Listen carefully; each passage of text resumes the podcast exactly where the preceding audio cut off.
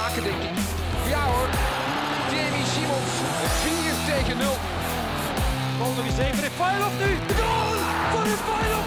De goal van Refailov met de linker! Keulemans, Christian tegen de paal en binnen.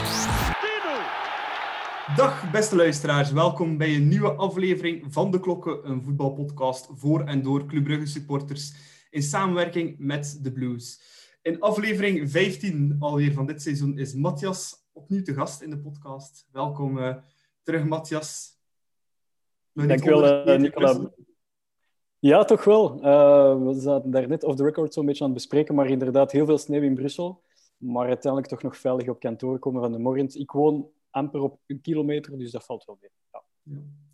En voor deze aflevering hebben we opnieuw een special guest die we mogen verwelkomen. Niemand minder dan uh, kerstvers spelersmakelaar Gillian Prudhomme. Welkom, Gillian. Dank je, Nicolas. Uh, goedenavond, ook aan Matthias. Ja. Uh, Matthias, we gaan straks nog... Ik bedoel, sorry, Gillian, we gaan straks nog heel wat verder ingaan op jouw ja, makelaarsbureau en wat hij allemaal doet tegenwoordig. Maar misschien kan je er toch een keer in ja, een paar kleine woordjes kort uitleggen wie je bent en wat je doet tegenwoordig. Oké, ik ben uh, Gillian Predom, 28 jaar. Uh, ik werk initieel uh, nog op de luchthaven van Brussels Airport. ik werk daar aan de lange termijn planning, dus de lange termijn ontwikkeling, wat nu zeker interessant is in deze coronatijden, waar toch op de korte termijn gefocust wordt. En daarnaast, je zei het al, ben ik nu um, geregistreerd spelersmakelaar bij Stand Firm, waar ik samen heb opgericht met een, met een vriend van mij in, in december, waarin we proberen um, een verse wind te zijn in het makelaarswezen, in die zin dat we uh, eigenlijk een one-stop shop proberen te zijn voor zowel uh, voetbalclubs als uh, spelers of atleten. Ja, Ik denk dat we er nog heel, heel interessante babbel over gaan hebben straks. maar we gaan eerst naar de orde van de dag gaan. En ja, dat is um, de match van afgelopen zaterdag van Club toen ze tegen de hekkensluiter Beveren met 0-2 gingen gaan winnen. weer al met twee goals van Noah Lang.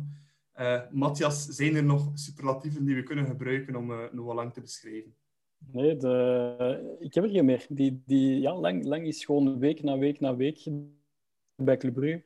Iets van uh, ten opzichte van de andere spelers. Maar het is gewoon één heel sterk collectief. En dan heb je Noah Lang, die op een uh, planeet aan het spelen is momenteel. Maar wat ik vooral heel interessant vond aan, aan zaterdagavond, is dat Club meteen vanaf minuut 1 um, ja, er heel fel tegenaan ging. En uiteindelijk al wel een, een heel verdiende 0-2 dat heel hoog kunnen oplopen maar al bij een, een verdiende overwinning met opnieuw voor de, hoeveel is het, tiende, elfde, twaalfde keer uh, Noah Lang als uh, man of the match. Ja. Gillian, moest jij of je vader bondscoach zijn van Oranje, zou je hem dan uh, stilletjes aan gaan oproepen over de nationale ploeg?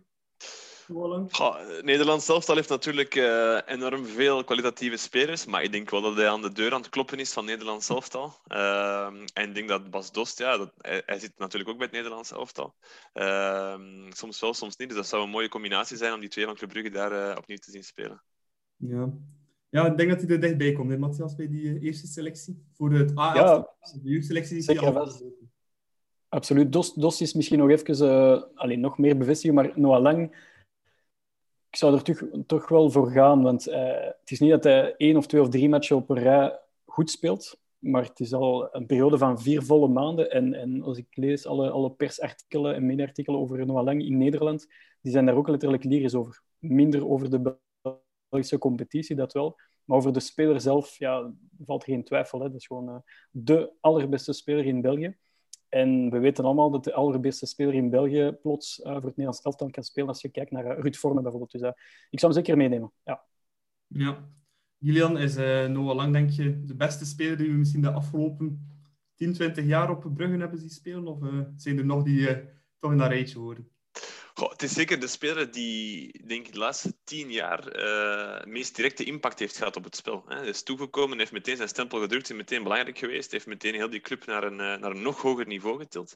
Ik denk dat we toch ook niet mogen vergeten dat er spelers zijn geweest als uh, José Izquierdo, die ja. niet meteen die impact gehad hebben, maar op termijn wel week in, week uit belangrijk waren, zowel verdedigend als aanvallend, en ook de titel hebben gebracht aan Club Brugge mede. Um, maar ik denk wel zeker dat hij op dat niveau zit, absoluut. Ja. ja. Um, Matthias, uh, gaan we nog lang nog live zien in het stadion, in het Jan Bredel stadion? Of uh, had hij eerder weg zijn dan dat wij terug gaan mogen komen? Dat, dat was mijn vraag twee weken geleden, hè, toen bij Brem Leroy. Uh, dat was een beetje mijn vrees ook.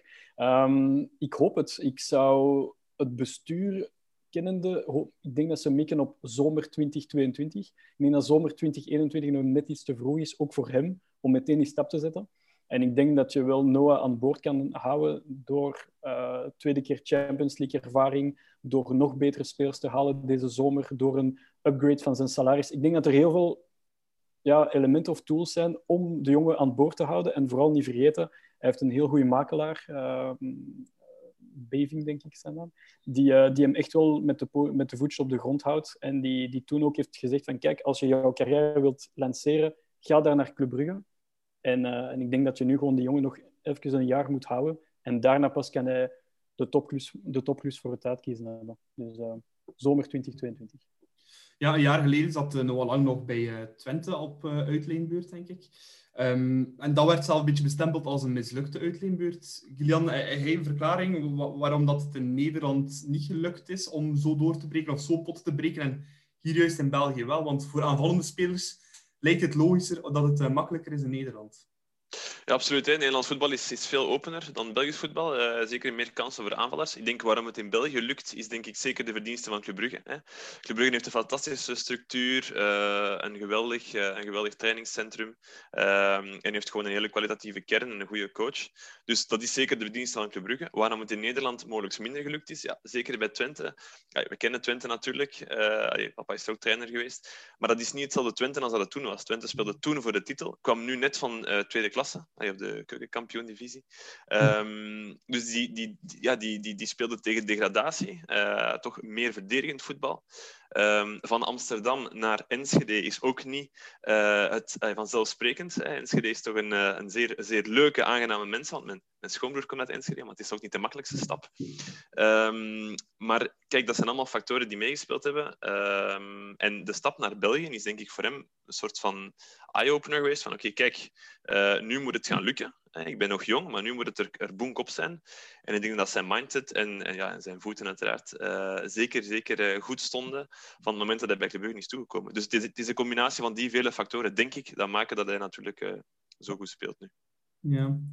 Matthias, je bent een beetje bij ons specialist transfer. Gillian, jij zit ook in het makelaarswereldje. Hoe moeten we Noah Lang zijn marktwaarde nu inschatten? Ehm, is dat meer dan een diata? Of is dat... Ja, ja meer dan een diata is, een, is 100% zeker. Um, als, als, als hij toch deze zomer van club verandert, dan zou ik echt minstens 25 à 30 miljoen verwachten. Minstens.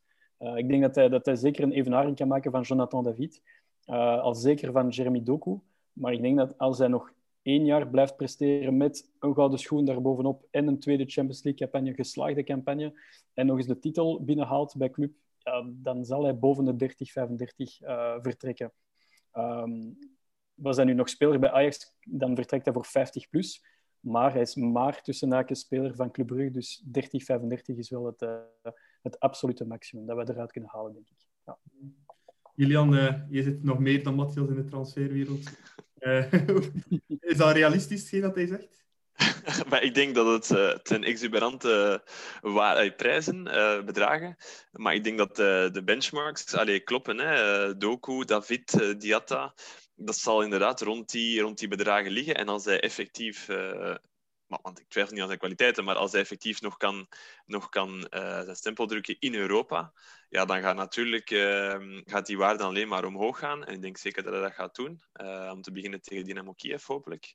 Eh, dus dat zal zeker niet voor, voor minder dan Diatta zijn. Dat verwacht ik ook niet. Ja. Nu, we gaan het stukje nog lang hierbij afsluiten. ik denk dat hij ja, hopelijk nog even bij club blijft. en als hij vertrekt, dat het voor de voldoende miljoenen zal zorgen. Nu, over de wedstrijd in het algemeen. Uh, Beveren Club. Um, Kilian, vond je het een goede wedstrijd van Club over het algemeen? Maar ik ga doorgaan op wat Matthias eigenlijk zei. Het was inderdaad zo dat ze er vanaf de eerste minuut meteen op zaten. Um, en dat is toch wel de verdienste, denk ik, van, van het team en van de, van de staf daarachter. Want zo'n wedstrijd voor de leider uh, bij de hekkensluiter is altijd, altijd moeilijk. Super lastig, een uitmatch, eh, ook al is het in een leeg stadion. Um, daar moet je altijd heel voorzichtig mee omgaan. En het is echt wel de verdienste van, van Clement en Co geweest om, uh, om ze meteen scherp te stellen.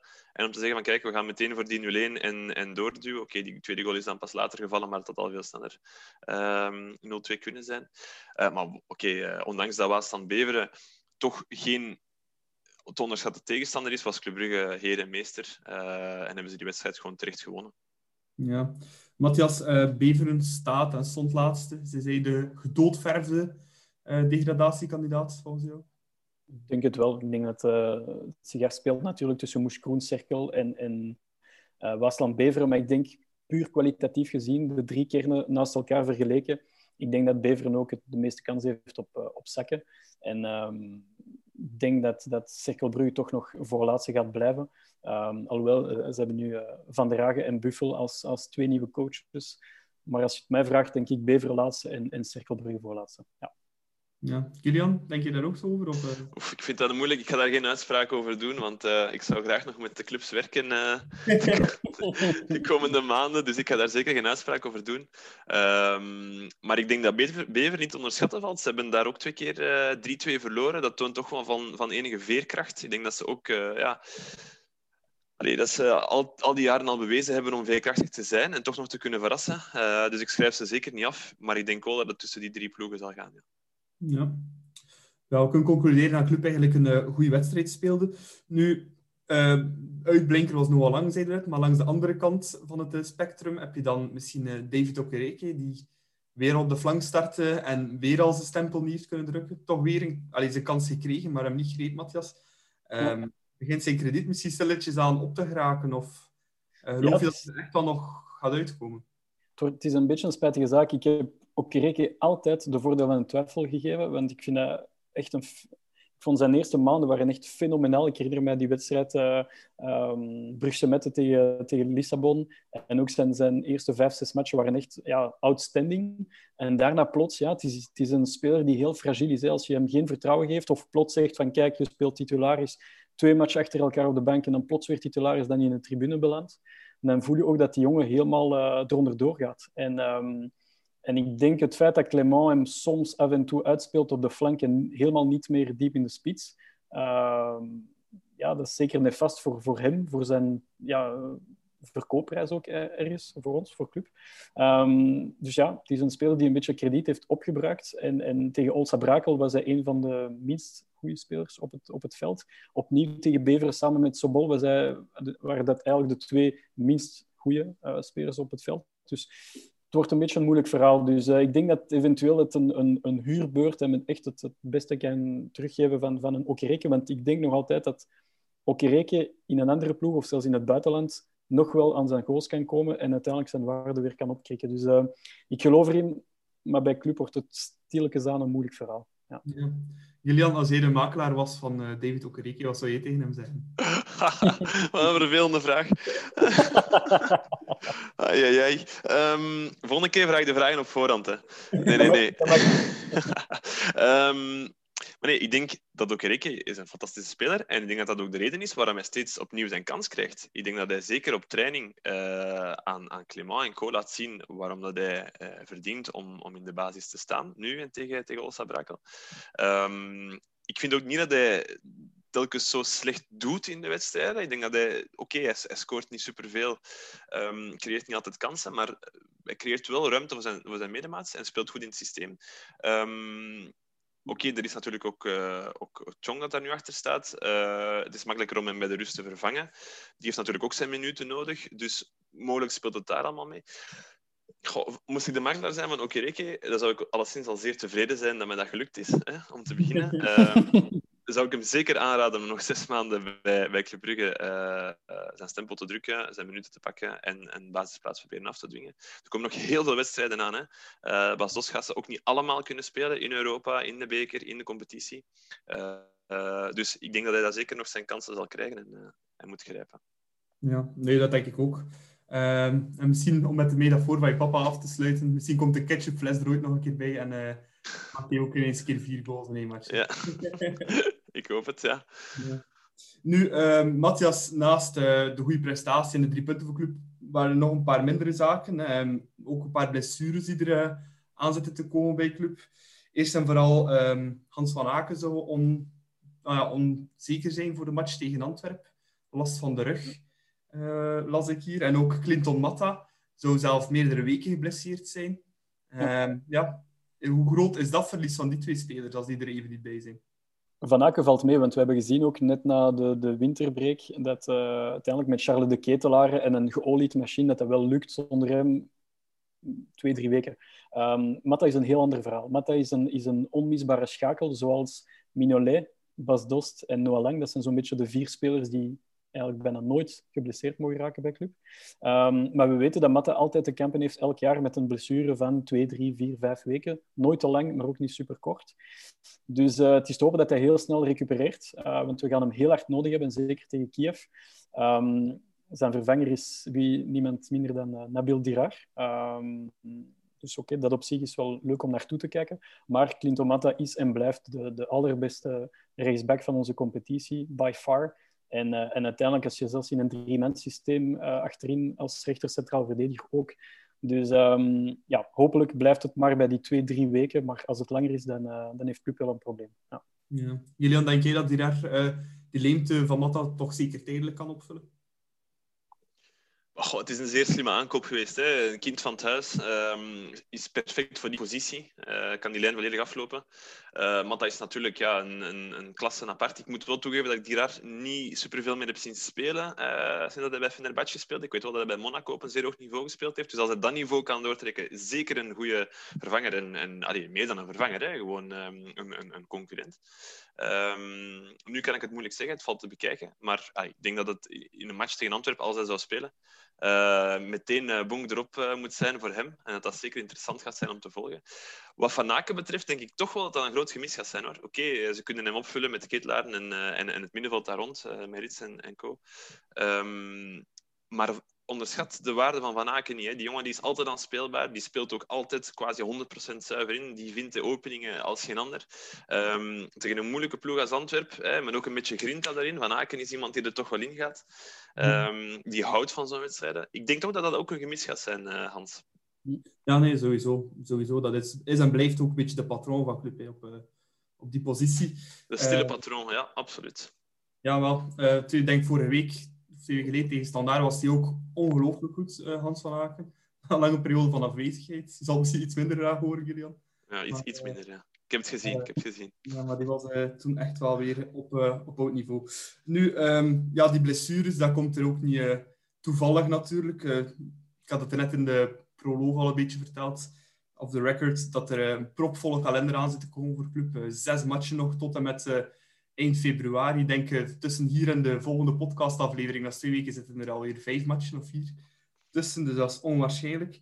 Um, ja, is dat nog verantwoord dat wij zoveel matchen spelen, Matthias? Um, nu. Nee, maar er is geen keuze. Het is, uh, alles moet gespeeld worden. Uh, beker, competitie, Europa League. Dus het is zeker onverantwoord, maar het heeft te maken met zoveel factoren. Hè. Corona, um, Genk en Gent die absoluut play-off 1 wilden spelen, kost wat kost. Dus dan heb je ook meteen een, uh, een competitie met, met 18 ploegen en dus een overvolle kalender.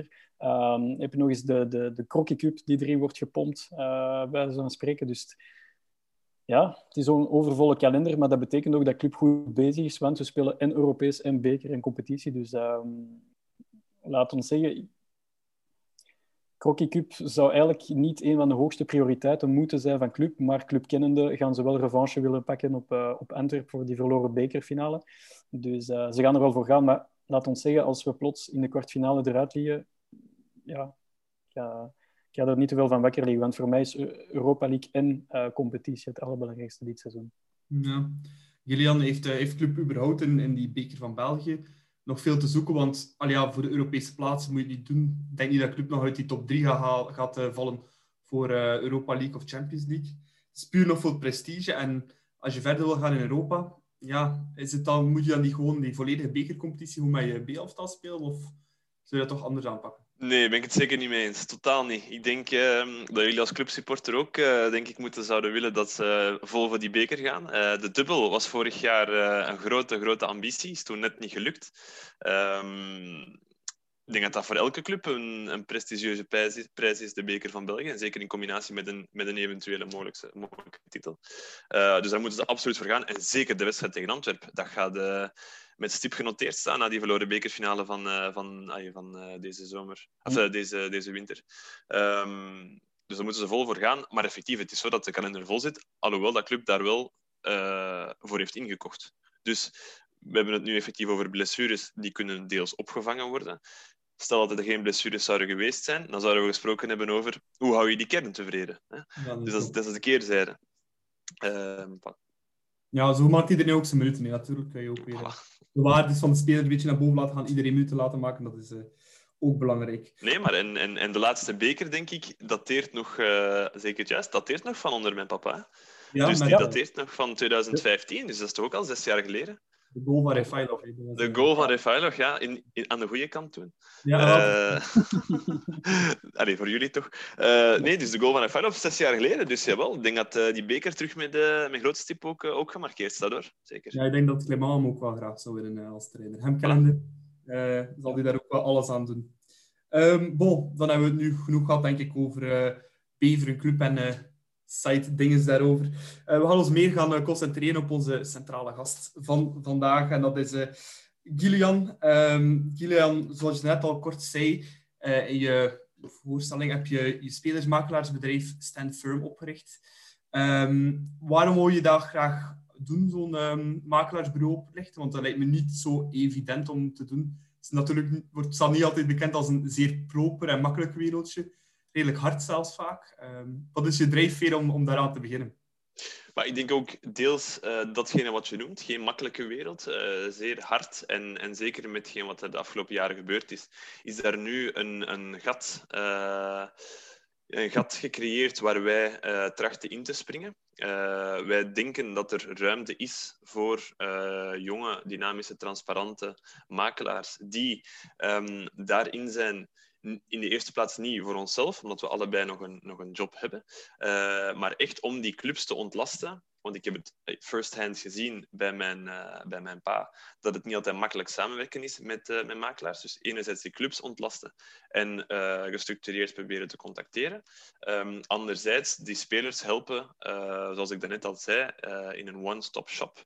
Um, waarbij dat we ze proberen te ondersteunen met de zaken die ze niet krijgen op hun club bijvoorbeeld. Of uh, additionele zaken. Uh, een voorbeeld daarvan is um, financiële planning, carrièreplanning. Uh, het carrière van een voetballer eindigt op zijn 5, 6, 37, met uitzonderingen tot 40, hè, jullie wel bekend. Um, maar oké, okay, dan, dan eindigt hun voetbalcarrière, maar dan begint het leven eigenlijk verder. Dan zijn ze 40 jaar en dan staat er nog een heel leven voor hen. Hoe gaan ze dan uh, om met hun uh, financiële middelen? Waar gaan ze zich dan op, richten? Waar gaan ze in investeren? Um, dus dat zijn zaken waar wij nu al uh, in proberen te ondersteunen. En dat was initieel ook de insteek. De start van Stand Firm was financiële planning en carrièreplanning en die ondersteuning aanbieden. We hebben toen een aantal spelers en een aantal clubs gesproken in België en Nederland. En bleek toch dat daar net iets te weinig draagkracht voor was om met z'n tweeën daar een, een, een volwaardig uh, zelfstandig bedrijf voor op te richten. Dus daarom hebben we gezegd, kijk, we gaan alles samenvoegen en dat wordt dan één van onze diensten. Uh, waarbij dat we er dus ook meerdere aanbieden. Misschien een domme vraag, Gillian, maar van waar komt de naam Stand Firm?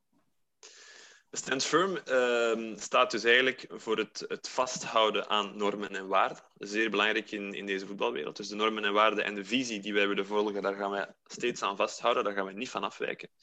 Um, Stijn staat uiteraard voor tribune, hè, op zijn Engels. Uh, en, en Old Firm, ja, firm, uh, firm, ja, dat verwijst naar de Old Firm, uh, Celtic, Celtic Rangers. Dus het zijn allerlei kleine verwijzingen naar de voetbalwereld, maar met een zeer duidelijke boodschap ook. Ja.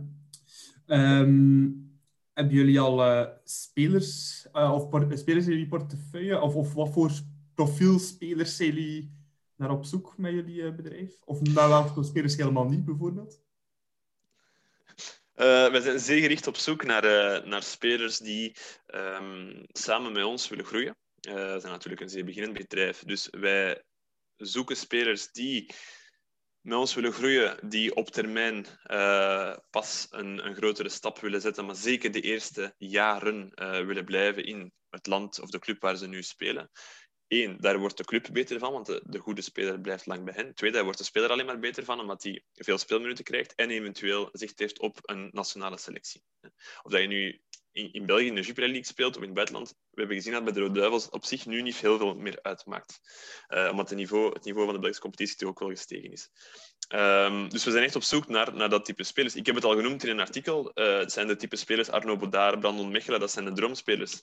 Uh, hoeven niet per se België te zijn. Maar zo'n maar zo'n um, ja, intelligente, goede voetballers um, zouden wij zeker zien zitten. We hebben momenteel twee spelers in onze portefeuille. Ik kan nog niet zeggen wie. Um, maar het is, het is één dame en één, uh, één man.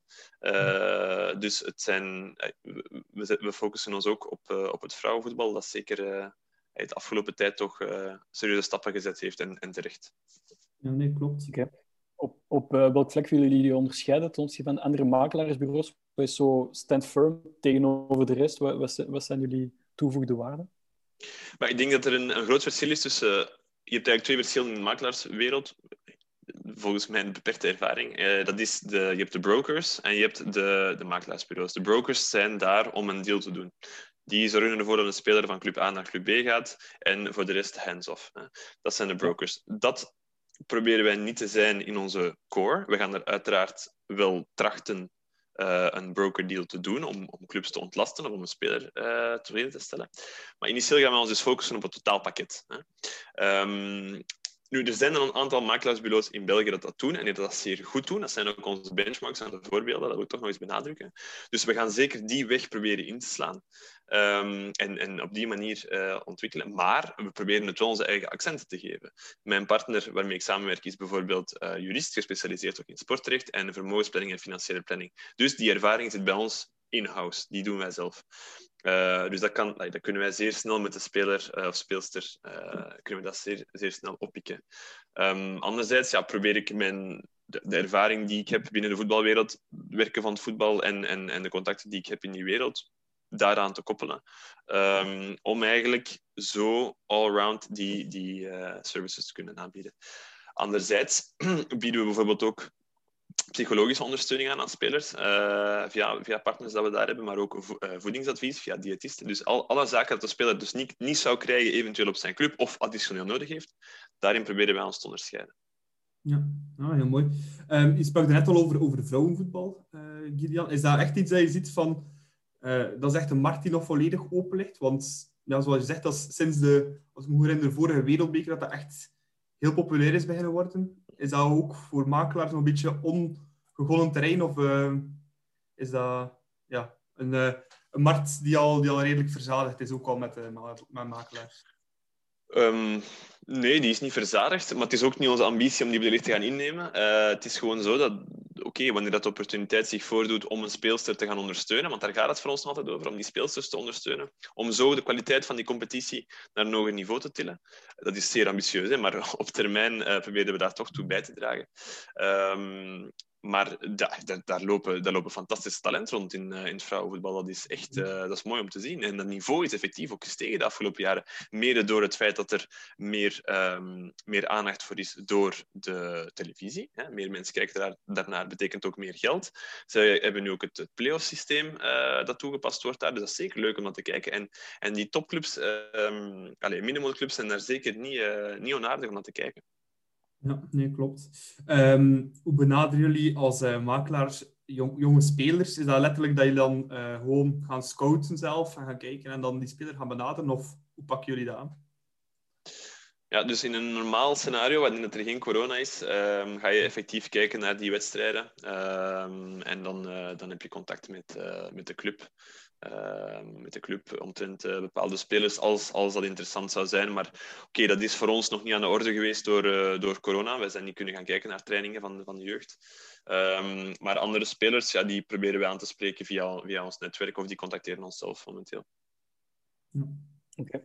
Um, je vader was zelf een van de allerbeste keepers in België. Um, heb jij ooit ook die ambitie gehad van ik wil profvoetballer worden zoals, mijn, zoals Michel? Of? Uh, want je hebt, je hebt wel in de jeugdreeksen gespeeld hè, van uh, KV Mechelen, denk ik. Absoluut, dat was mijn grote, mijn grote droom om profvoetballer te worden. Ik had eigenlijk maar één droom, dat was, uh, dat was profvoetballer worden. Ik heb inderdaad uh, tien jaar bij KV gespeeld, tot mijn, 19, uh, tot mijn 17e. Um, ik was nooit een groot talent.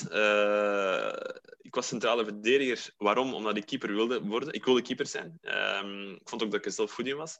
Maar ik mocht niet van mijn pa. Hij heeft mij verboden om het, om het te worden. en wel om de reden om mij te beschermen. Dus hij heeft gezegd, ik weet hoe dat de media is, ik weet hoe dat de pers is, ik weet hoe dat de mensen zijn. Uh, ze gaan u altijd, altijd vergelijken met mij. Uh, en hij zegt, ik heb het u niet makkelijk gemaakt hè, met de beste doelman ter wereld te zijn. Uh, dus ze gaan u altijd vergelijken en het gaat voor u super zwaar zijn. Dus hij heeft mij willen beschermen en hij heeft mij op de vier gezet, centrale verdediger. Um, effectief die jeugdteksten doorlopen, ook bij Twente een jaar gespeeld bij de, bij de min 19. Uh, maar helaas heb ik het niet kunnen opbrengen om uh, profvoetballer te worden. Ik, nu heb ik daar spijt van. Nu besef ik, oké, nu ben ik mentaal sterker en besef ik wat ik er allemaal voor had moeten doen om uh, te kunnen slagen, om een kans tot slagen te hebben. En dat heb ik toen niet, um, niet gedaan. Ik, was, ik was vooral ik was bezig met, oké, ik ga naar de training, doe mijn oefeningen, eet gezond, ik slaap en that's it. Maar niet meer. En dan, dan haal je het gewoon niet. Als je geen talent hebt, dan haal je het niet. Nee, dat versta ik. Dat, dat klopt ook helemaal. Ik denk dat de spelers à la Brendan Mechelen daar het schoolvoorbeeld van zijn, dat dan juist wel halen. Um... Maar ja, Brendan heeft natuurlijk... Die, die jongen heeft ook uitzonderlijk... Die hebben, ook, die hebben allemaal talent. Dat zijn fantastische tuurlijk, voetballers. Tuurlijk, tuurlijk, dat is oké, het, zijn niet, het, zijn niet het is geen Messi, maar uh, die jongen heeft wel een, een, een, zekere vorm van talent. Maar dat is een enorme, fantastische werker. En dat is echt het schoolvoorbeeld van, uh, van een speler die dat... Eh, voor, voor, voor alle Belgische voetballers, denk ik. Jonge voetballers. Ja. Um, Kilian, je bent nu 28 jaar. Heb je de, de keeperscarrière of de spelerscarrière van je vader nog bewust meegemaakt? Bij Standaard en bij KV Mechelen niet. Uh, als keeperstrainer, hè? Nee. Uh, sorry, als keeper, hè? Nee, als oh, keeper uh, heb, ik het niet, heb ik het niet meegemaakt bij Standaard en KV Mechelen. Bij Benfica wel. Um, toen wij verhuisden naar Portugal, toen was ik net geboren, enkele maanden. Dus ik heb die vier, eerste vier, vijf levensjaren heb ik meegemaakt. Um, ik herinner me nog een paar flarden van wedstrijden van Benfica. Maar uh, mijn, mijn ouders vertellen me altijd dat ik tijdens um, uh, Benfica-Porto, 100.000 man in het stadion, dat ik uh, verkoos om in de gang van het stadion te voetballen met, een zoon, met de zoon van een andere speler in plaats van te kijken. dus daar heb ik nu enorm veel spijt van. Ja, ja. Maar als klein manneke, ik zo waarschijnlijk... Besef dat niet. Nee, besef dat niet. Nee, besef nee. inderdaad niet. Maar dat is jammer. Ik, ik had hem heel graag zien... Want dat is... Allee, ja, als, je nu, als ik nu zit, te supporteren voor de Rode Duivels, zit te kijken naar Thibaut Courtois en Simon Mignolet, dan zeg ik soms tegen mezelf, maar wow, mijn, mijn eigen papa heeft dat ook allemaal gedaan en is dan nog uitgeroepen tot beste van, van het toernooi. Dus dat is, dat is onwezenlijk. En dat vind ik wel super jammer dat ik dat niet heb kunnen meemaken. Maar oké, okay, langs de andere kant ook wel goed voor de zenuwen, denk ik. Ja, en recent zelf als beste keeper aller tijden, denk ik, hè, zelfs. Weet je Absoluut. En uh, dat, heeft, dat heeft ons heel veel deugd gedaan. heeft hem ook heel veel plezier gedaan. Echt waar. Um, uiteraard vind ik het terecht. Hè. Maar ik had het niet verwacht, um, omdat er toch toch ook enorm veel sterke concurrentie bij zat. Jean-Marie Pfaff, Christian Pio, Thibaut Courtois. Uh, dus het is een enorme eer dat hij daardoor verkozen is geweest. En ook niet evident, omdat die stemming gebeurd is online. En de meeste mensen die papa hebben zien spelen, zijn toch al iets ouder nu. Mm. Het is vooral de jonge generatie die uh, op sociale media zit nu. Dus ik had verwacht dat het naar Thibaut Courtois zou gaan. Um, maar kijk, des te beter. Ja, natuurlijk. Je papa heeft ooit wel de meest legendarische match ooit tegen Nederland gespeeld. Tegen Mijn vader was toen toevallig in het stadion zelf. Ik was, uh, mijn moeder was zwanger van mij. Mijn vader is toen uh, ja, via een uh, reispartner is naar daar gaan in een vliegtuig vol Hollanders. Op de hele plezant, op de terugreis was dat heel plezant. Ja, dat is wel geweldig. Uw mama heeft het toch niet kwalijk genomen? Nee, nee, nee, nee. nee. Ik was ook maar twee dagen weg. Het was even naar Orlando, denk ik. Dat Orlando, ja, ja. 40 graden, absoluut. Ja, Prioriteiten, denk ik. Prioriteiten, ja, inderdaad ja, ik was nog niet geboren, helaas. Hè, Nu, um, de trainerscarrière van je vader heb je wel van dicht uh, bij meegemaakt. Um, ja, hij heeft bij Standaard gezeten, bij Agent, naar Twente, dan naar het Midden-Oosten ook. Um, zijn je dan als gezin dan ook telkens mee verhuisd? Of hoe ging dat praktisch eigenlijk? Praktisch? Praktisch woonden wij in Keerbergen, dus uh, vrij centraal in België. Uh, en papa bij Standaard en bij Agent uh, woonden wij nog thuis. Dus hij reed altijd op en af en bleef dan slapen op de club. Um, bij FC Twente zijn we wel verhuisd. Zijn we naar Nederland verhuisd, naar Enschede. Daarmee dat ik het net benoemde, omdat het toch een grote stap was. Ondanks dat het maar Nederland is en we hebben al in veel landen gewoond, was Enschede toch bijzonder. Um, en uh, daar hebben we dus effectief gewoond. En mijn zus, die toen 16 jaar was, die nu 25 jaar is, die heeft daar haar, uh, haar huidige man leren kennen. Dus die is, uh, door de tenniscarrière van mijn papa heeft die daar, is hij getrouwd met een Nederlander en daar blijven wonen. Um, maar naar Saudi-Arabië zijn wij niet mee verhuisd. We zijn wel uh, meerdere keren uiteraard op bezoek gegaan. We zijn ook gaan kijken om daar te wonen. Maar je moet begrijpen, mijn zus was toen 18. Uh, ik was toen 20, 21. Um, ja, je zit in het midden van je, van je universiteitsstudies. Uh, Saudi-Arabië is ook niet Dubai of Abu Dhabi of Qatar. Het is zeer strikt, met heel veel regels. heel moeilijk klimaat ook. Weinig vrijheid. dus dat was eigenlijk niks voor, voor, voor een gezin. Um, dus wij zijn toen uh, in, in Nederland gebleven. En papa heeft, is daar alleen gebleven met zijn, uh, met zijn staf. Ja. Oké. Okay. Wat herinner je nog van de, van de aanstelling van je vader bij Club? Uh, ik, herinner, ik herinner mij dat hij nog zei in zijn eerste interview bij Club van... ja, het is een oplichting voor mij, maar ook vooral voor mijn kinderen. heb je dat ook meteen gevoeld van yes, hij is terug in België? Ja, wij misten hem enorm. Hè. In Saudi-Arabië hebben we daar 2,5 jaar gezeten. Uh, zagen hem zeer weinig, ook met uurverschil niet, allee, niet altijd even, even gemakkelijk. Uh, wij misten hem echt heel hard. En um, toen hij vertelde dat hij in gesprek was met een Belgische club, uh, hij vertelde dat de rest aan de familie, dan mochten we raden. En Club Brugge was een van de laatste clubs die we geraden hebben, van de topclubs bedoel ik. Hè. Um, dus ik denk dat we, we hebben eerst Standaard, uh, Gent hadden we teruggenoemd, zelfs Anderlecht hebben we genoemd. Uh, en dan zeiden we, toch niet Club Brugge? En dan zeiden we, si, si, si, Club Brugge. Ik zeg, wow, dat had ik echt niet verwacht. Hè. Nooit spraken over geweest daarvoor. Uh, en toen effectief dat het, dat het officieel was, waren we enorm gelukkig. Toen ben ik ook, uh, want ik studeerde toen in Zwitserland, ik ben toen direct overgevlogen naar, uh, naar Brugge om de eerste match tegen Anderlecht te zien. De 4-0 ja, overwinning. Ja. 4-0 overwinning, ja, onder Philippe Clement toen, denk ik. Ja. was een voorbode voor het succes van nu al. Ja. Dus toen was ik, ja, dat was, dat was geweldig. Dat was een geweldig moment. En, en wij kenden Club Brugge totaal niet. Niks. Maar ik weet wel nog dat ik altijd schrik had om ehm, toen we bij Standaard nog zaten, om uh, met Gent op Club te gaan spelen. Dat was altijd voor ons de hel. Uh, de hel van Jan Breidel. Uh, en terecht ook, want dat is de jaren nadien ook gebleken. dus dat, dat, dat, was sowieso al super tof om daar naar uit te kijken. Ja. Um, had je op voorhand, alleen begin toen dat net bekend werd dat je vader bij, bij Club ging tekenen, um, geen schrik dat het, de druk op succes enorm groot zou zijn? Want op dat moment had Club al tien jaar geen titel meer gepakt. Ik herinner mezelf ook nog, toen ik hoorde dat Michel Predom naar Club Brugge kwam, dacht ik van ja, als er één iemand is die het kan doen, dan is het Michel wel. Want die druk moet dan toch enorm geweest zijn. Ja, en dat is wat zoveel vrienden mij vertellen. En ook mijn, mijn, mijn partner van Stand Firm, Wout Segers, een grote supporter van Club Brugge, hij heeft mij ook gezegd uh, ik was super blij dat uw pa kwam, maar het gaf me ook een beetje stress, want als het hem niet zou lukken, dan zou het niemand lukken. Ja. Uh, maar voor ons gaf dat een soort van uh, geruststellend gevoel, omdat wij weten, overal waar papa komt, uh, haalt hij een prijs. Dat, dat, dat, dat, zit gewoon in hem, de manier waarop hij werkt, uh, de manier waarop hij zich omringt. En de match met, met Vincent en Bart, ja, dat was natuurlijk dat was een, gouden, gouden match. Um, en zij hebben hem ook die druk niet opgelegd. Hè. Dat was ook, oké, Michel, we hebben hier een project, we, starten, we stappen daar nu in. Okay, het is een middellang termijn project. En uh, ik denk ook de eerste twee jaar, denk ik, was er geen prijs. Of was het tweede jaar dat we een prijs hadden? Ik weet het niet. Um, denk, denk het tweede jaar. Tweede jaar de beker hè, en het derde jaar de titel. Ja, zo was het. Ja, ja. En het vierde jaar de Supercup. Ja, voilà. Dus oké, okay, het eerste jaar was een, was een overgangsjaar en dan was het... Uh... Ja, maar dat was ook halverwege het jaar, denk ik. Uh, ja, dat was september, denk ik. Ja. ja dat was uh, mijn verjaardagsweekend. Ik ga dat nooit vergeten. Ik zat op Erasmus en mijn pa stuurt mij letterlijk een, een WhatsApp van Michel teken, heeft getekend bij ons. was, ja, door dolle heen. Uh, zalig. Ja, ik was ook op Erasmus toen, dus dat was echt voor ons ook uh, een serieus moment met veel Belgen daar. Die, uh, die gingen helemaal, helemaal uit hun dak.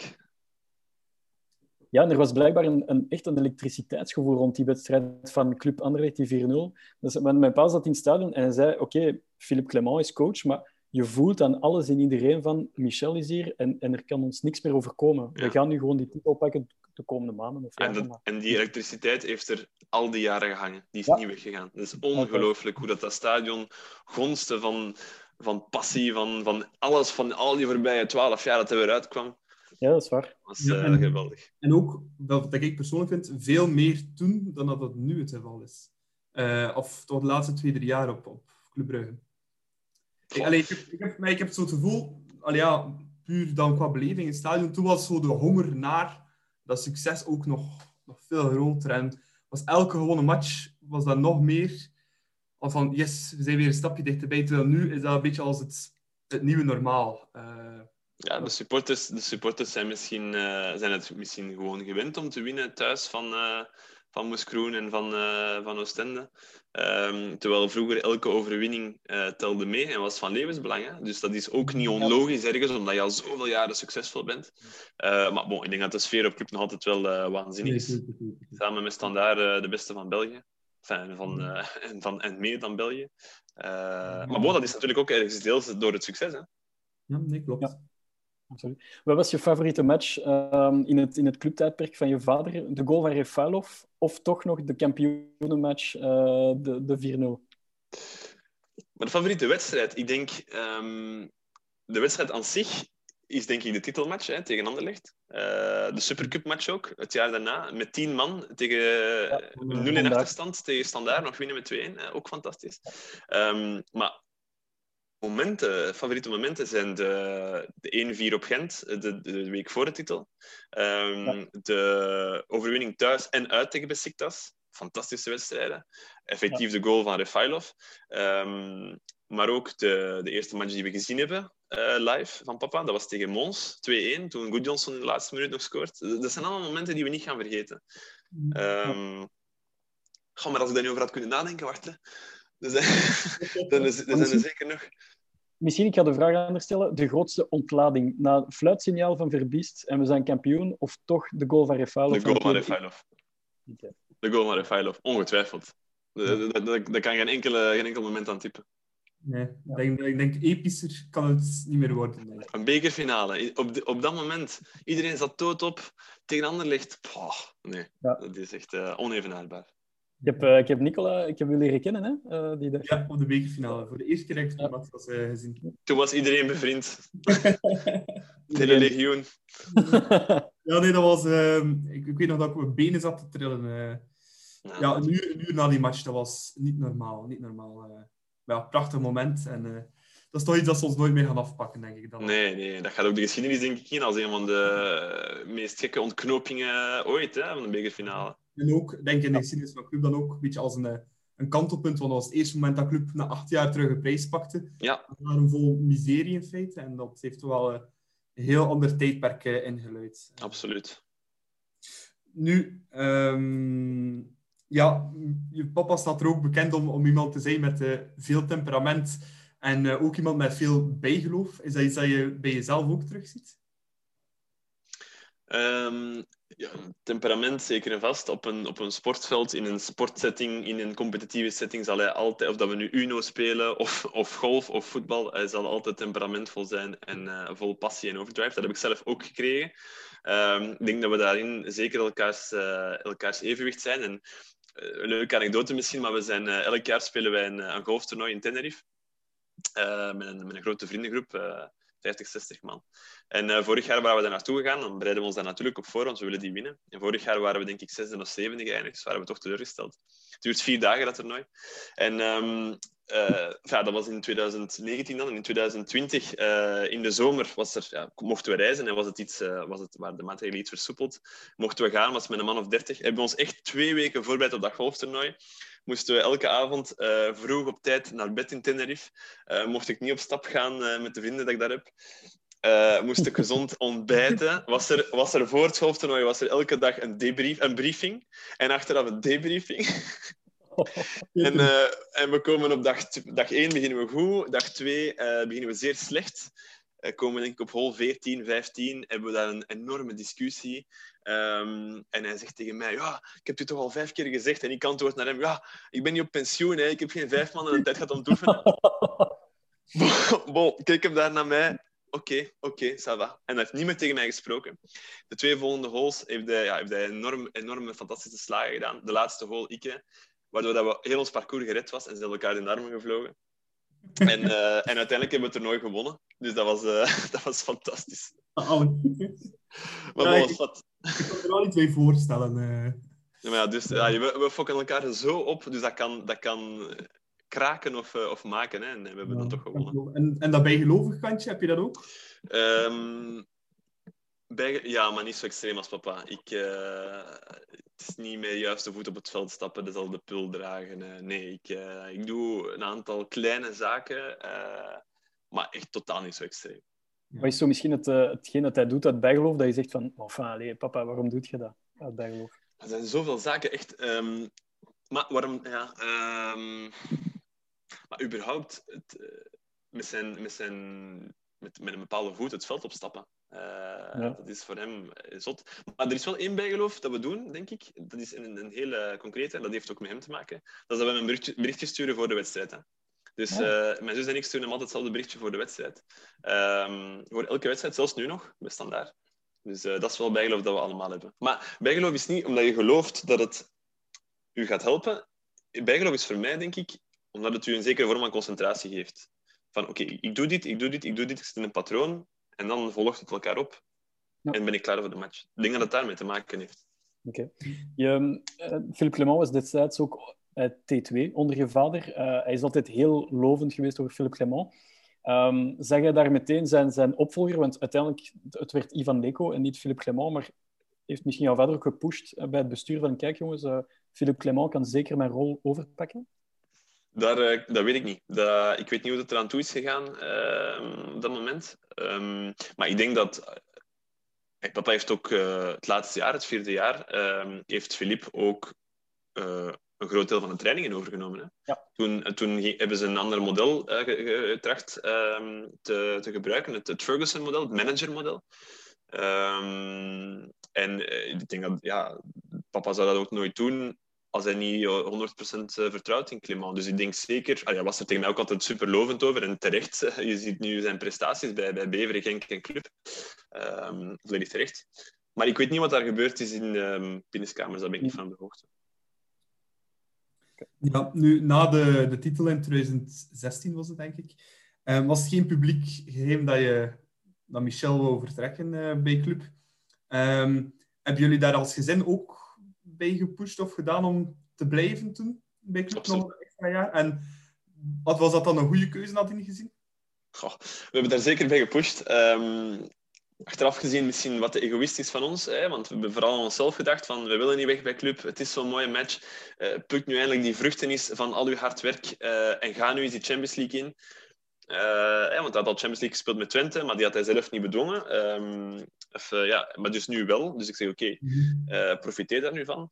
Ehm, ik, hoe heb ik hem overtuigd? Dat is, dat is door eh, bijna dagelijks de Champions League hymne bij het ontbijt af te spelen.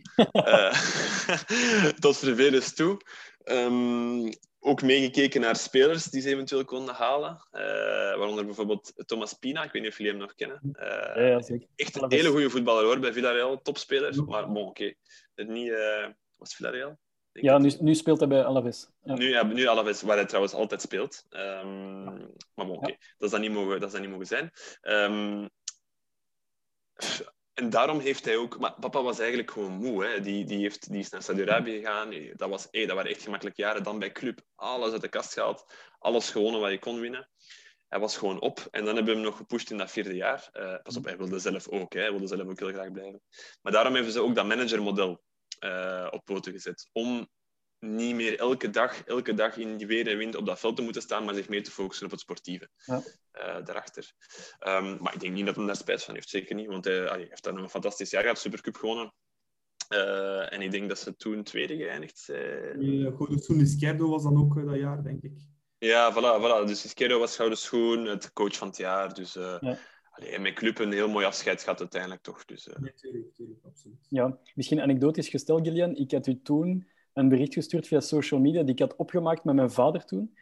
En echt om zo echt een steunbetuiging te geven aan Michel. En je zei toen, ah, wel, Matthias, ik ken u niet, maar ik heb het wel getoond aan mijn papa. En eh, hij is er heel blij mee en ik hoop dat hij blijft. Ah ja, maar ik heb ook effectief leuke en, en, en, en, en mooie berichten heb ik echt aan hem getoond. Hè? Absoluut. En ik heb gewoon eens gescrolld door mijn inbox Ja, om te tonen van kijk eens, kijk eens. Al... C'est vrai, c'est vrai, wow, c'est incroyable. Het is een, een mini-mini bijdrage, maar bon, ik ben er wel blij mee. Zeker, absoluut. Hij heeft er zeker toe bijgedragen. Ehm, was zijn periode bij Club volgens jou ook zijn meest succesvolle uh, uit heel zijn trainercarrière? Dat is een moeilijke, maar... Uh, meest succesvolle in, tijden van, uh, in termen van prijzen sowieso wel. Um, excuseer, sorry voor de luisteraars, hoest in de oren. Um, in termen van prijzen wel. Hij heeft alles gewonnen in, in één land wat er, kon, uh, wat er te winnen viel. En ook de metamorfose die de club heeft doorgemaakt onder hem. Dus ik denk wel een van de meest succesvolle. Al kun je ook niet ja, onderschatten, hetgeen wat hij met Standaard gedaan heeft na 25 jaar. Een titel is nog langer dan 12 jaar. Um, en uh, met agent ook, hè, uh, tweede plaats en, en, een, en een beker winnen. Dus, maar oké, okay, ik denk dat Club daar nog net, net iets boven zit. Toch wel. Ja. De, het, het hele pakket daar is toch uh, extreem, allee, extreem mooi geweest. Ja.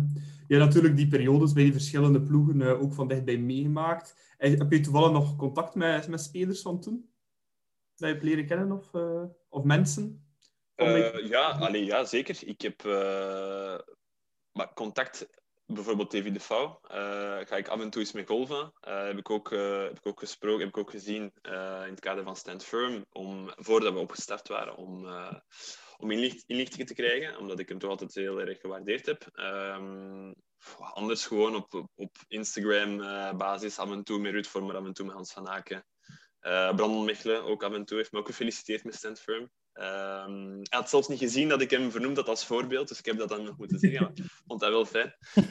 Um, dus die, die gasten, ja, daar uh, af en toe nog. En, uh, en Vincent Maart ook, uh, ook zeker nog op, allee, op sporadische basis. Ja. Ja, daar ga je misschien in de toekomst wel leuke deals mee maken. Hè? Wie weet. Hopelijk, ik hoop het, ja.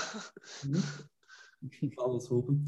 Nu, we hebben ook nog een, een aantal vragen van uh, luisteraars uh, binnengekregen, dat we op uh, verschillende social media hebben verzameld.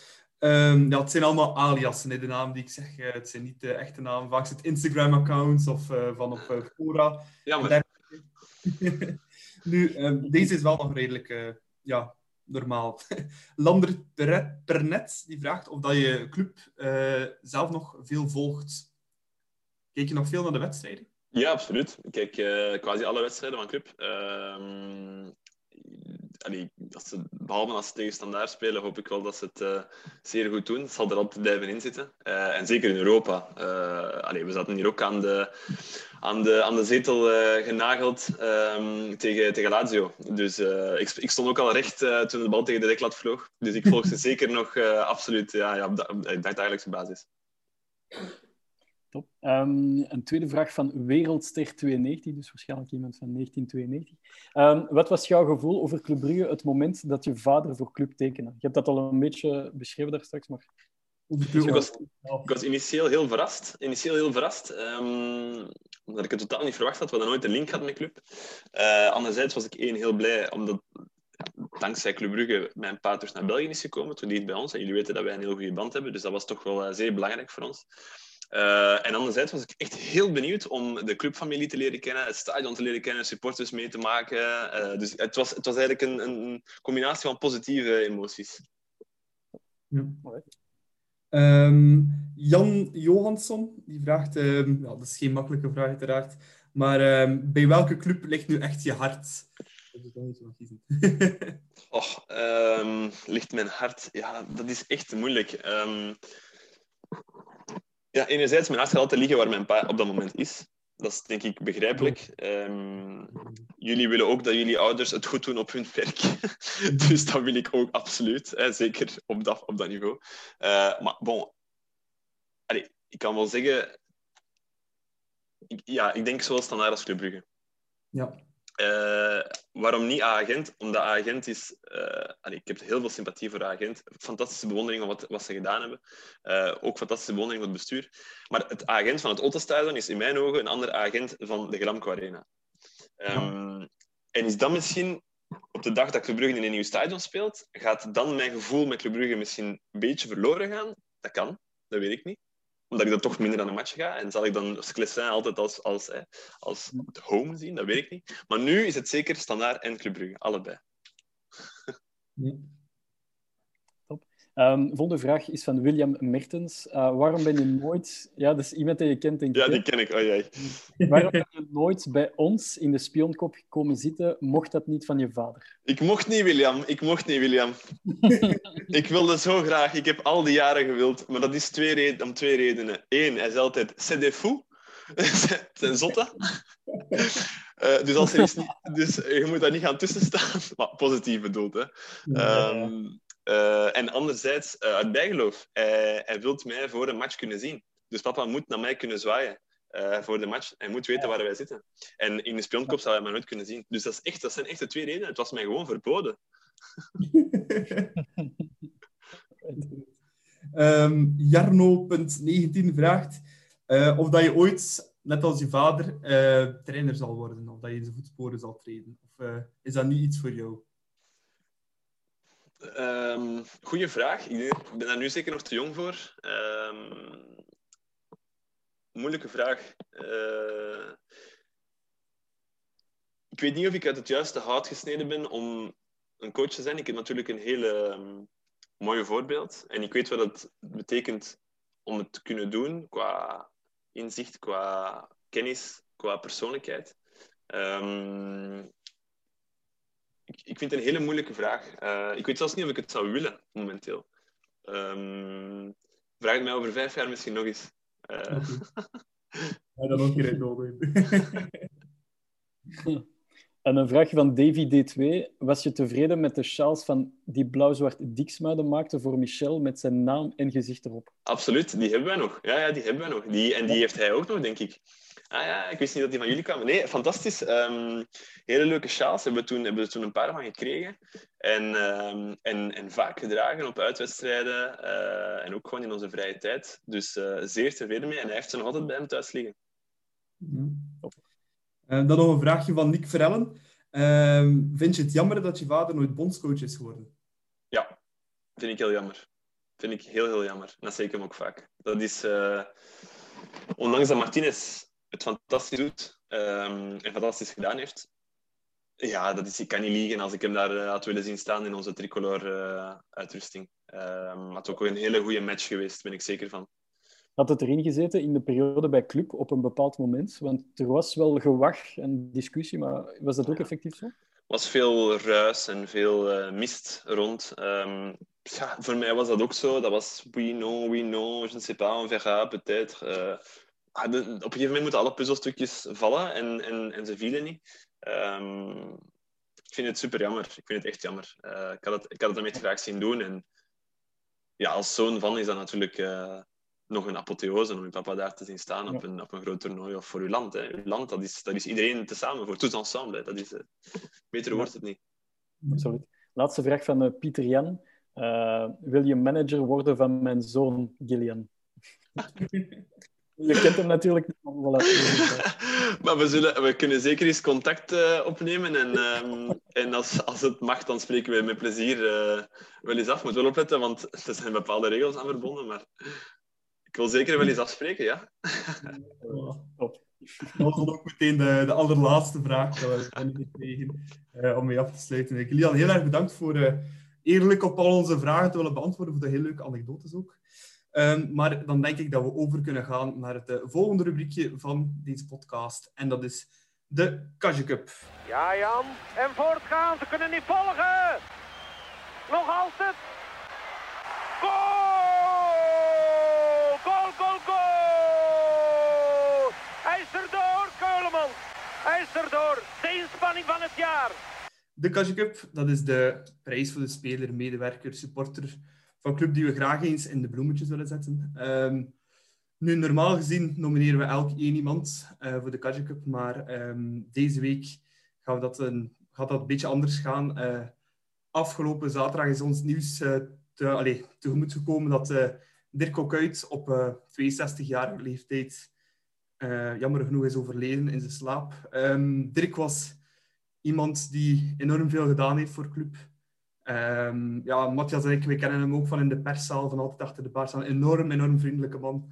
Ehm, en daarom uh, zullen we hem de Kaja Cup willen schenken. Ja, het is uh, nieuws dat heel hard aankwam bij ons ook. Um, we zouden ook vrienden en familie van Dirk ja, een hart onder de riem willen steken. En uh, ja, ik denk dat we daar niet meer aan kunnen vertellen bij Matthias.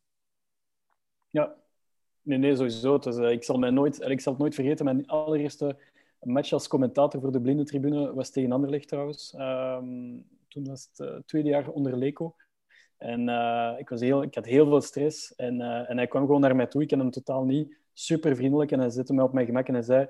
Je zit in het team van Nicola, dus uh, allee, er kan u niks overkomen. Dus een geweldige man. Heel um, hardwarm, vriendelijk. Alles erop en eraan. Dus ik vond het een heel naar nieuws toen je het, het mij vertelde en stuurde. Maar de Cash Cup gaat oververdiend naar, naar Dirk ook uit. Zeker vast. Ja, in elk geval. Dirk, bedankt voor alles, zouden we willen zeggen. En hopelijk gaat het uh, nog goed verder. Um, dus ja, daarmee gaan we de Kaja Cup deze week inderdaad aan Dirk geven en zijn familie en dichte vrienden dan. De perszaal in Club Brugge zal nooit meer hetzelfde zijn. Dirk was ook trouwens medewerker van Club Next. Bij de jeugdploegen heeft hij ook heel veel gedaan. Dus ook daarvoor allemaal onze, onze dank. Bon, dan gaan we wel verder moeten, want het leven gaat helaas voort.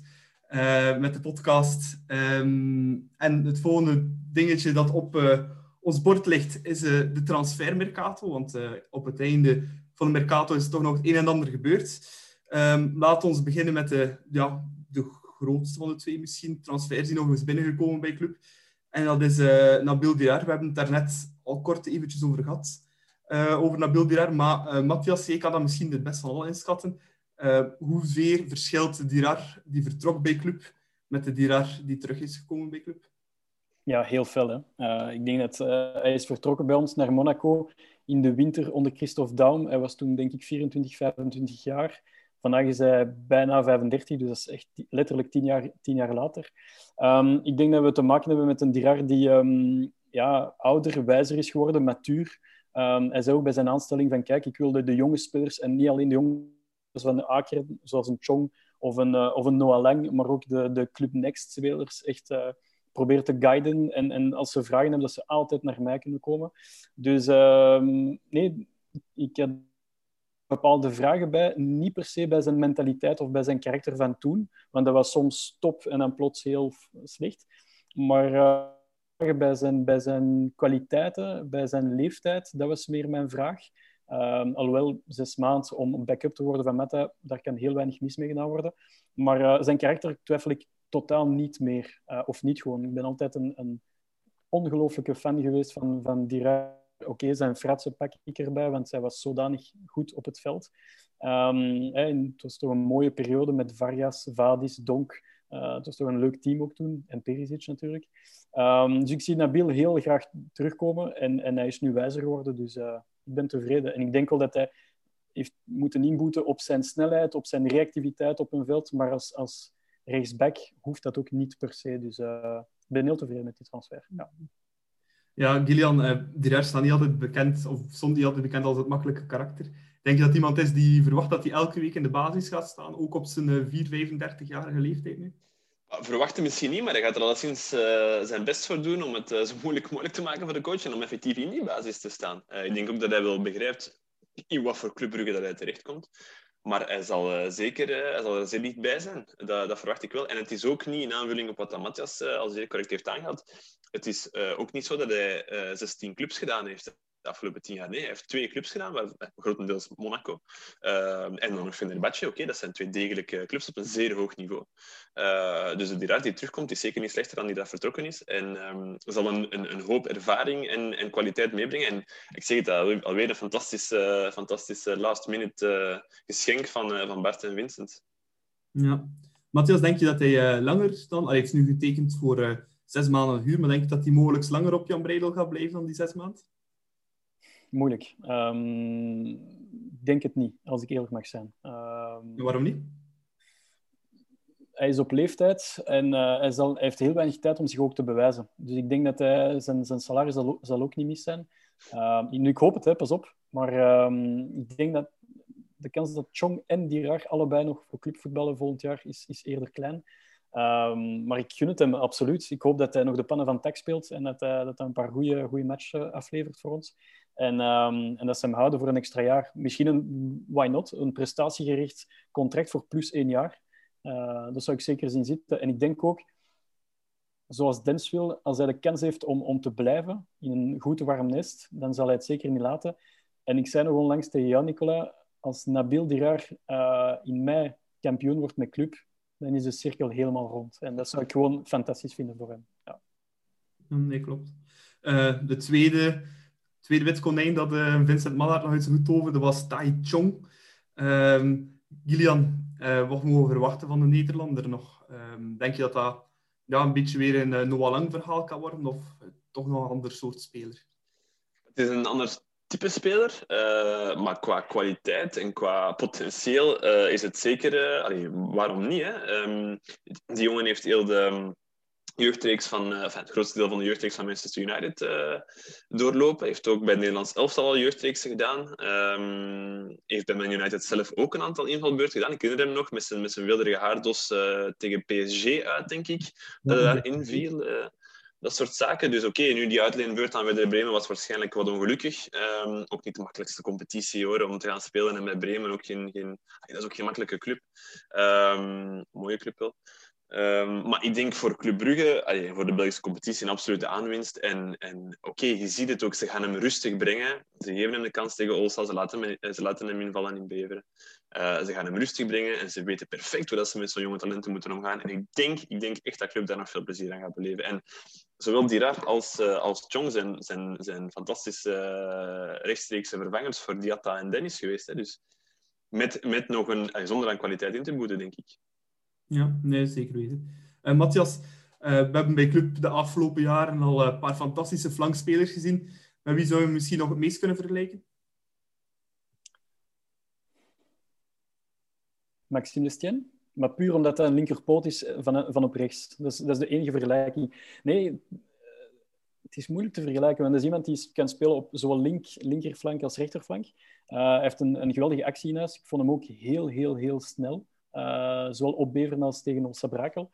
Um, dus als ik echt iemand zo lukraak uh, moet vergelijken, zou ik Maxime Lestien zeggen. Maar misschien iets technischer nog, uh, Chong dan Lestien. Mag ik een voorstel doen? Ja, tuurlijk. Ja, het enige verschil is dat hij niet snel was, maar Felipe Guedos. Ja. Ja, ja. Links, met rechts, speler uit met, met het haar ook, la peruca.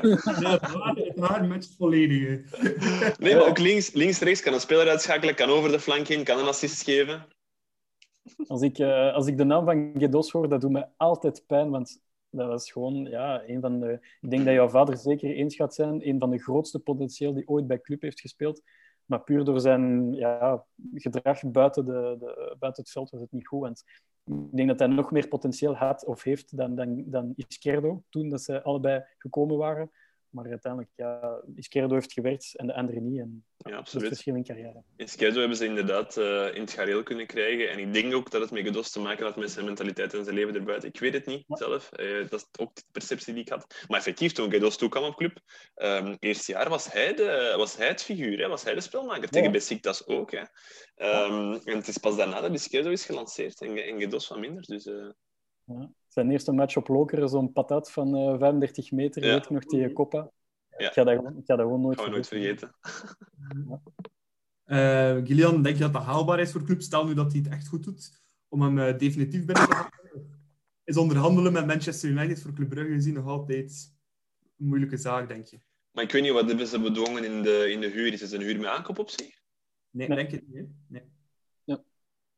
Ja, dan denk ik dat het duidelijk is dat hij sowieso terug gaat naar Manchester uh, na zes maanden. Oké, er dan? Dan kunnen ze terug onderhandelen. En Vincent en Bart zijn uh, daar zeker uh, slim, ervaren en leep genoeg voor om, om dat op een goede manier aan te pakken. Maar ik weet niet, dat is moeilijk te zeggen. Kijk, als zo'n jongen eigendom is van Menu en die speelt hier de pannen van tak à la Noah Lang, ja, dan denk ik dat de Menu ook gaat zeggen Kom ik het terug, ken ik je weer?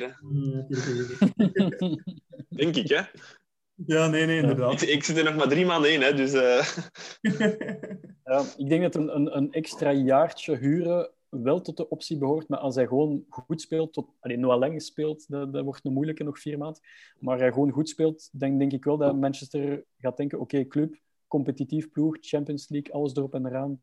Dan gaan ze wel zeggen, oké, Chong, je mocht je nog een jaartje uitleven in, in Voilà. Waarom, waarom niet Club Brugge in plaats van eh, weer een andere club in, ergens in Spanje of Duitsland? Hè? Voor die jongen is dat ook belangrijk. Ja, voilà, Frankfurt of Wolfsburg. eh.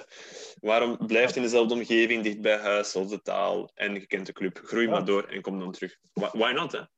Ja. En vol, vol Nederlanders ook, hè. Ja, voilà. eh, dat is ook een pluspunt. Oké, dan eh, is de transfermercato nu officieel helemaal gesloten, denk ik. Ehm, het laatste dat we gaan doen deze podcastaflevering is eh, nog een kleine voorbeschouwing doen voor de match van Club tegen Antwerpen komende woensdag in de Beker van België. Ehm, ja, de vraag is een beetje, wordt het nu een beetje de match van der revanches? Want eh, Club verloor de bekerfinale van Antwerpen. En eh, Club won dan om zijn beurt wel op Antwerpen in de competitiematch. in de competitie. Eh, Matthias, zal het een echte cupfight worden in de sneeuw hier in Brugge, denk je? Ja, het wordt een, eh een wedstrijd, dat verwacht ik wel. Ehm, nu ja, ik zou toch wel een paar spelers laten rusten. Je noemde ze daar net op, Van Aken en Matta, die half geblesseerd of echt wel geblesseerd zijn. Dus daar, daar kan je meteen wel ehm, de ketelaren en, ehm en Dirar in de plaats zetten. Maar voor de rest denk ik niet dat Clement heel veel gaat veranderen. Ik ben ook heel nieuwsgierig naar gaat hij Horvat zetten in, in, de, in de goal in plaats van Mignolet. Want eh, Horvat is zo'n, eigenlijk onze, onze A-speler voor de beker. Misschien gaat hij nu toch wel voor Mignolet kiezen. Ehm, ook voorin, hè, Badji heeft een heel goede beurt geslagen tegen Olsa Brakel. Eh, Dost kan misschien niet heel die opeenvolging van de wedstrijden aan. Dus verwacht een heel bitsige wedstrijd, maar toch wel een paar wissels tegenover eh Beveren. Dat wel. Ja. Ehm Julian, beide ploegen spelen ook nog Europees voetbal. Gaan we de beste 22 spelers op het veld zien, denk je? Maar ik denk dat de, de kernen zijn zo, zo sterk van beide clubs dat eh, als er 22 spelers op het veld staan, dat ze denk ik eh, allee, sowieso zeer goed gaan zijn. Wa- logischerwijze zal er wel wat geroteerd worden bij beide clubs, ehm, denk ik. Ehm, maar zoals ik net al zei, ik denk dat het een eh, zeer interessante wedstrijd gaat zijn om te volgen. En eh, de 0-2 van Club op, eh, op Antwerp in de competitie, dat is al lang vergeten. Ze willen een revanche voor die bekerfinale. En eh Antwerp zal maar al te graag willen aantonen van eh, we kunnen jullie ook twee keer pakken. En eh, er zitten sowieso een aantal figuren tussen, in, tussen de 22 eh, die, die de moeite waard zullen zijn om te volgen. Dus eh, ik kijk er enorm naar uit. Ja, lijkt ehm, ik denk. Lijkt misschien ook Matthias in de bestuurkamers vragen tegen, eh Ja, tegen eh, Paul Geesens. Eh, die gaan ook alle twee nog een keer in de kleedkamer komen, denk ik, van de week. Van ik wil deze absoluut winnen, of niet? Ja, dat is altijd een wedstrijd in een wedstrijd tussen de twee bestuurskamers bij, bij Club en Antwerp. Maar ik kijk vooral uit naar het duel Lemkelzee tegen Dirar. Dat wordt eh, fenomenaal, denk ik. Ik kijk er echt naar uit. Wordt leuk om te volgen, ja. Leuk. Oké, om het helemaal af te sluiten, eh, vraag ik altijd een pronostiekje. Club Antwerp, Matthias, Ehm 2-0. Kilian. 1-1 eh, en Club wint op verlenging.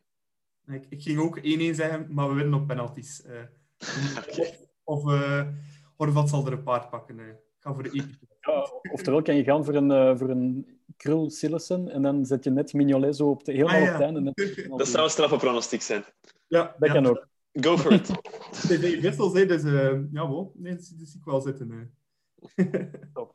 Alright, dan zijn we helemaal op het einde gekomen van onze aflevering. Ik zie dat we een dik uurtje alweer bezig zijn. Eh, eerst en vooral wil ik eh, Gillian bedanken om erbij te zijn voor de leuke anekdotes, voor de leuke antwoorden. Ik hoop dat je het zelf ook een beetje plezant vond. Absoluut, de tijd is gevlogen. Ik vind het jammer dat ik niet het uur 37 heb gehaald van mijn voorganger, dus zo leuk was het dan toch niet. Maar oké, kijk, eh, we zijn dan toch tweede geëindigd. Nee, nee, ik vond het zeer leuk. Eh, hartelijk dank en eh, bedankt ook voor de, voor de leuke vragen van de supporters. Ja, graag gedaan. En ook eh, Matthias, uiteraard, voor er eh, opnieuw bij te zijn. Over twee weken eh, ben je er ook opnieuw bij, Matthias. Ja, ik ben er opnieuw bij. Voilà, dan ga ik helemaal afsluiten met onze kanalen nog eens te herhalen. Je kan ons mailen met vragen, suggesties, whatsoever, naar podcast.bluesfcb.be. Je kan ons volgen op Twitter met @deklokkenpodcast en @debluesfcb. En je kan ons vinden met de hashtag de klokken. Voor alle andere correspondentie rond de podcast verwijs ik jullie graag door naar de Facebookpagina van de vind je ook alle info. Bedankt voor het luisteren, alleszins, uh, luisteraars. En uh, tot over twee weken voor een volgende aflevering van De Klokken. Tot dan. Tweede paal, is Tom goal! Het is 3-4.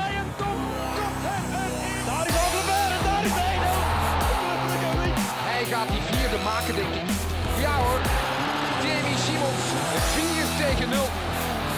Volgende die 7 heeft op nu. De goal van de Feyenoord. De goal van de Feyenoord met de linker. Keulemans. Christian tegen de paal en binnen.